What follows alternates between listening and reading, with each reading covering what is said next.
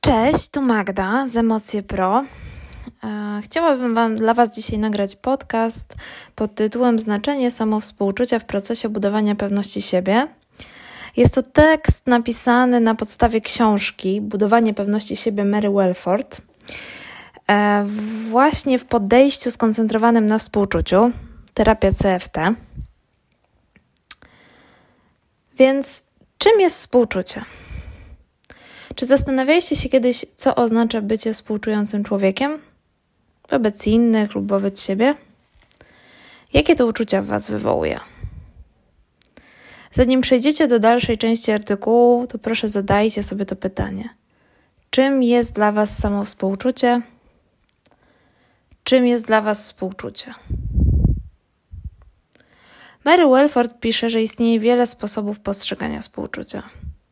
Według najprostszej definicji, współczucie jest to wrażliwość na ból psychiczny lub fizyczny, odczuwany przez nas i lub przez innych oraz motywacja i szczere oddanie, by ów ten ból załagodzić. Druga część tej definicji najczęściej jest niedostrzegalna. Ludzie pomijają bardziej aktywny komponent współczucia, podkreślając zarazem takie jego elementy jak życzliwość, ciepło i delikatność. Podczas gdy w pewnych sytuacjach samo współczucia może głównie obejmować te właśnie cechy, podejście współczujące swego umysłu podkreśla także istotność innych kluczowych elementów współczucia, takich jak dodawanie sobie otuchy, wspieranie siebie, a nawet wywieranie na siebie presji w odpowiednich okolicznościach. Współczucie dla samego siebie nie polega na przygotowywaniu sobie kąpieli przy świecach, kupowaniu sobie kwiatów, e, ani nie na pozwalanie sobie na jakiś smakołyk.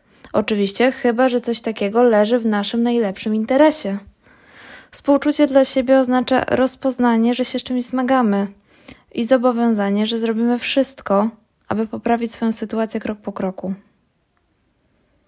Może zatem obejmować zobowiązania do poprawienia formy fizycznej, do wprowadzenia zdrowszej diety albo do znalezienia hobby. Zmierzenie się z określoną sytuacją, pomimo odczuwalnego lęku albo pozwolenie sobie na łzy czy uczucie złości w związku z jakimś zdarzeniem, ponieważ właśnie tego potrzebujemy lub właśnie na to zasługujemy. Może też polegać na zajęciu się problemem nadużywanie alkoholu, zażywanie narkotyków, przejadanie się bądź czymkolwiek innym, co stanowi przeszkodę w naszym życiu. Malwina Chuńczak mówi, że współczucie wobec siebie pomaga w zmaganiu się z życiowymi trudnościami. Lepsze funkcjonowanie nie jest jednak wynikiem tłumienia czy wypierania niechcianych emocji. Nie polega także na sztywnym i nienaturalnym zastępowaniu negatywnych emocji pozytywnymi. Samo współczucie prowadzi do tego, że uczucia pozytywne generowane są samoistnie, jako rezultat stawiania czoła negatywnym emocjom. Każdemu towarzyszy czasem przekonanie, że jest niewystarczający. Remedium na nasz nastrój może być współczucie wobec samego siebie, stanowiące narzędzie do budowania prawdziwej i trwałej odporności psychicznej. Co więc z tym wspólnego ma pewność siebie? Według podejścia współczującego umysłu, wszystkie organizmy na naszej planecie należą do tego, co Paul Gilbert nazywa strumieniem życia. Mówi on o tym, że wszystkie istoty ludzkie istnieją w swojej obecnej formie dzięki ewolucji. Kiedy przyjrzysz się w świecie przyrody, zobaczysz zwierzęta, które rywalizują i walczą ze sobą o status i terytorium, a także współzawodniczą o pożywienie i partnera. Czasami łączą się w pary na całe życie, a czasami mają wielu partnerów. Liczne zwierzęta, zwłaszcza ssaki, tworzą więź ze swoim potomstwem. Nawiązują przyjaźnie z rówieśnikami i żyją w grupach społecznych, których dobrobyt jednostki wpływa na dobrobyt grupy i na odwrót. Podstawowe wzorce życia można też rozpoznać u człowieka, a pewność siebie zajmuje w niej główne miejsce. Pewność siebie jest nam potrzebna do tego, byśmy mogli przyciągnąć partnerów seksualnych, nawiązać i podtrzymywać przyjaźnie oraz z powodzeniem wypełniać swoje obowiązki zawodowe. Jeśli masz trudności z pewnością siebie, to prawdopodobnie Twoje problemy dotyczą celów społecznych. Cele te obejmują nawiązywanie przyjaźni i relacji intymnych, odgrywanie ról przywódczych, stawanie się rodzicem i bycie cenionym przez innych. Stany emocji. Co w ogóle kieruje nami w życiu? W naszym mózgu istnieją systemy, które pomagają nam sterować zajęciami, w jakie się angażujemy. Na przykład ekscytujemy się, kiedy osiągamy ważne cele, zachowujemy ostrożność, gdy sprawy obierają niepomyślny obrót, albo gdy możemy zostać skrzywdzeni. To są nasze systemy emocjonalne. Wyróżniamy co najmniej trzy typy systemy regulacji emocjonalnej, czyli obszarów mózgu, gdzie współpracują ze sobą w celu kontrolowania i podtrzymywania naszych emocji. Systemy pomagają nam w osiąganiu podstawowych celów życiowych. Pierwszy z systemów jest to system wykrywania zagrożeń. Pomaga on nam wykrywać różne zagrożenia w naszym życiu i reagować na nie. Drugi z systemów to system dążenia i poszukiwania zasobów. Pomaga nam wykrywać ważne zasoby, interesować się nimi, czerpać zadowolenie i zabezpieczenia, umożliwiając nam przetrwanie i rozwój. Ostatni z systemów, trzeci, to system zadowolenia i kojenia. Pomaga nam uspokajać i równoważyć pozostałe dwa systemy. Stąd termin kojenie. Stanowiąc tym samym źródło pozytywnych uczuć, spokojnego dobrostanu i zadowolenia. Choć trzy systemy reprezentują trzy odrębne elipsy, to ważne jest pamiętać, że systemy wchodzą w nieustanne interakcje i tworzą wzorce w naszym mózgu. Proces ten zaznaczono na diagramie za pomocą strzałek. Możecie teraz zerknąć do naszego artykułu. Bliższa analiza systemów pomoże Ci zrozumieć, jak działają emocje, jak wiążą się one ze sobą i jak możesz sprawić, by działały w sposób wspomagający budowanie pewności siebie. Jak działają systemy? System wykrywania zagrożeń mówi nam o tym, że wszystkie żywe stworzenia muszą posiadać taką umiejętność, aby chronić siebie i bliskich oraz wykrywać zagrożenia. Jest to centrum natychmiastowego reagowania, pierwszy przystanek dla wszystkich napływających informacji oraz mechanizm ich ocalenia. Ludzki mózg jest wyposażony w katalog gotowych reakcji do zastosowania. Trzy podstawowe emocje oparte na zagrożeniu to lęk, złość, obrzydzenie. Wiąże się z nimi szereg zachowań. Od zamierania lub ucieczki w chwili lęku, poprzez walkę lub zwiększenie starań w chwili złości. Po obrót od tego, co budzi obrzydzenie, lub pozbycie się tegoż. Na przykład, jak zareagujemy, jak zobaczymy nasz zastawiony samochód, jak się czujemy, kiedy sprawdzamy wyniki egzaminu, jak się czujemy, jak nasze plany poszły nie w ten sposób, co chcieliśmy. Oprócz emocji, system wywołuje zmiany w sposobie naszego działania. Na przykład w kryzysie prowadzi do zawężenia i koncentracji uwagi oraz pcha nas ku pewnym reakcjom, zazwyczaj walki, ucieczki lub zamierania. To nasza podstawowa reakcja mózgu.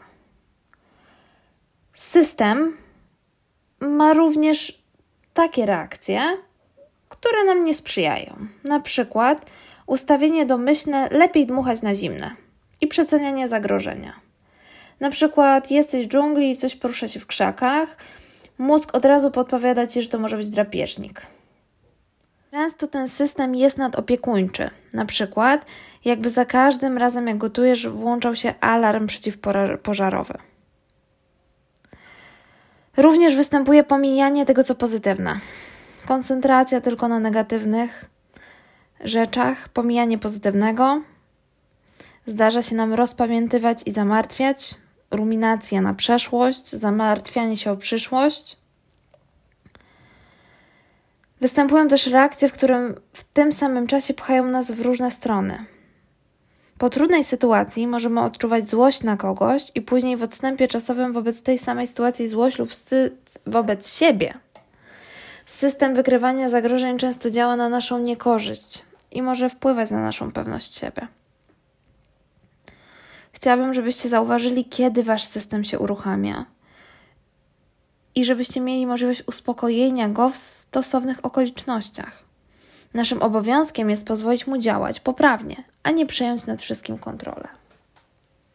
Kolejny z systemów to system dążenia i poszukiwania zasobów. Motywacja do szukania tego, co potrzebujemy, co zaspokoi nasze potrzeby. System jest związany z substancją chemiczną w naszym mózgu dopaminą. Jest to hormon, dzięki któremu odczuwamy dreszcz przyjemności, kiedy coś osiągamy. System pomaga nam osiągać różne cele i się nimi cieszyć, co jest pozytywne, o ile nie zaczniemy nadmiernie koncentrować się na zdobywaniu kosztem innych rzeczy. Na przykład dla wielu osób, którym brakuje pewności siebie, dążeniu do osiągnięć stanowi antidotum na poczucie zagrożenia i bezradności. Osiąganie i wywołana przez nie pozytywna reakcja innych ludzi zapewnia chwilowy dreszcz i wzmacnia poczucie pewności siebie oraz własnej wartości. Problem się pojawia, kiedy osoby też nie są w stanie niczego osiągnąć, na przykład ze względu na wiek, silną rywalizację, chorobę lub kontuzję. Znika bowiem podstawowe źródło dobrego samopoczucia, pozostawiając po sobie pustkę. System zadowolenia i kojenia. System zadowolenia jest powiązany z substancją w naszym mózgu endorfiną. Kiedy zostaje on osiągnięty, system wykrywania zagrożeń oraz system dojrzenia zostają wyłączone.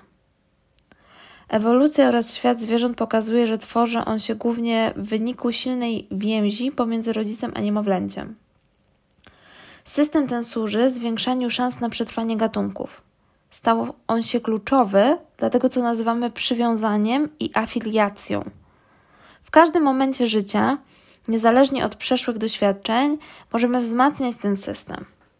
Najważniejsze jest to, by podejmować próby wprowadzenia równowagi między tymi systemami. Zwrócenie uwagi na nasze systemy jak działają nasze emocje to pierwszy krok do budowania bardziej samowspółistniejącej postawy, aby móc zwiększać pewność siebie. Potrzeba nam zbudować nowe sieci i szlaki neuronowe. Te wysiłki może jednak naprawdę zmienić nasz mózg i sposób działania naszego mózgu. Jesteśmy w stanie wzmocnić swoją zdolność do tego, by czuć się inaczej, stać się bardziej zadowoleni i pewni siebie, mieć większe poczucie bezpieczeństwa. Kiedy już wykształcimy tę zdolność, możemy zacząć pracować nad tym, by ją podtrzymywać, a nawet zwiększać. Ten proces nazywamy fizjoterapią mózgu.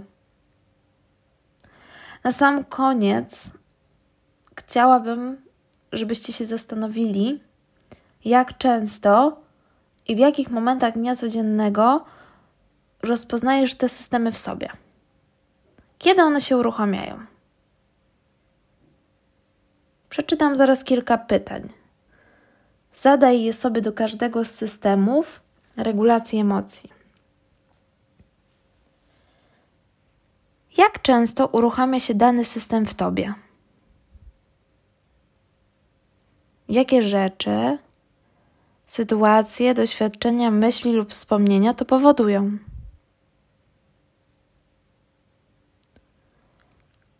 Po aktywacji systemu, jak silnie go odczuwasz?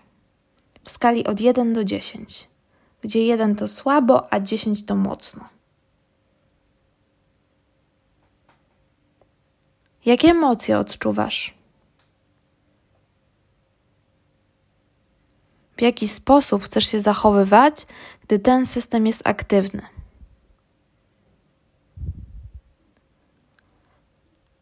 Co pojawia się w Twoim umyśle, gdy ten system zostanie uruchomiony? Na przykład myślenie, martwienie się, ruminowanie, wyobrażenia. Jakie masz myśli?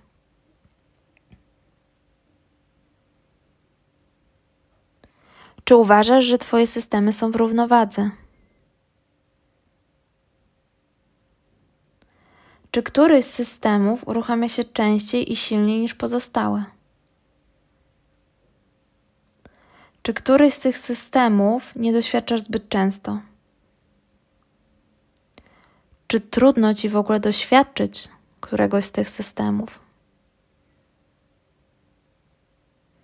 Dziękuję Ci bardzo za poświęcony Twój czas. Dobrego dnia. Mam nadzieję, że wrócisz po więcej.